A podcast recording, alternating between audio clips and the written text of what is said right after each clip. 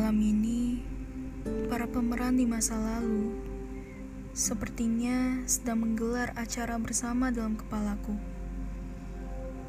Mengulang seluruh naskah lama yang beberapa di antaranya gagal menempuh masa depan atau mungkin terselip di bawah naskah lain yang sedang kurakit sendiri. Salah satu naskahnya merupakan kisah tentang seorang anak kecil yang tengah berbaring di lengan sang ayah. Puncak kepalanya menghangat oleh sentuhan telapak tangan laki itu yang tanpa henti berayun ke sana kemari dengan lembut demi mendapatkan senyum si kecil. Senyum terus merekah di bibir si kecil yang selalu berusaha menjaga hangat itu baik-baik dalam sepanjang nadinya. Meski kemudian sang ayah beranjak dari bangkunya untuk menempati bangku lain, si kecil tetap berkelana dengan memeluk hangat yang melekat selalu di puncak kepalanya. Dalam perjalanannya berkelana, ada setidaknya dua tangan yang sempat menempatkan hangat yang sama di kepalanya.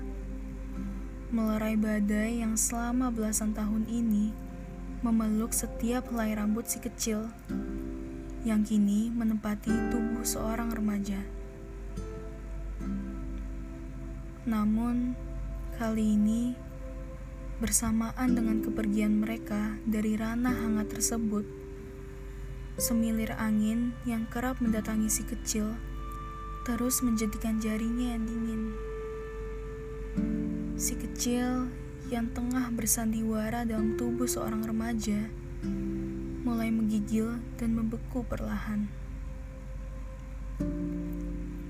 Tubuhnya kini gemetar. Setiap kali ada tangan-tangan yang hendak menitip salam sapa pada puncak kepalanya menawarkan naskah pendek maupun panjang yang mengharuskannya untuk membaca dan memainkannya hingga akhir, seperti yang ia lakukan dulu.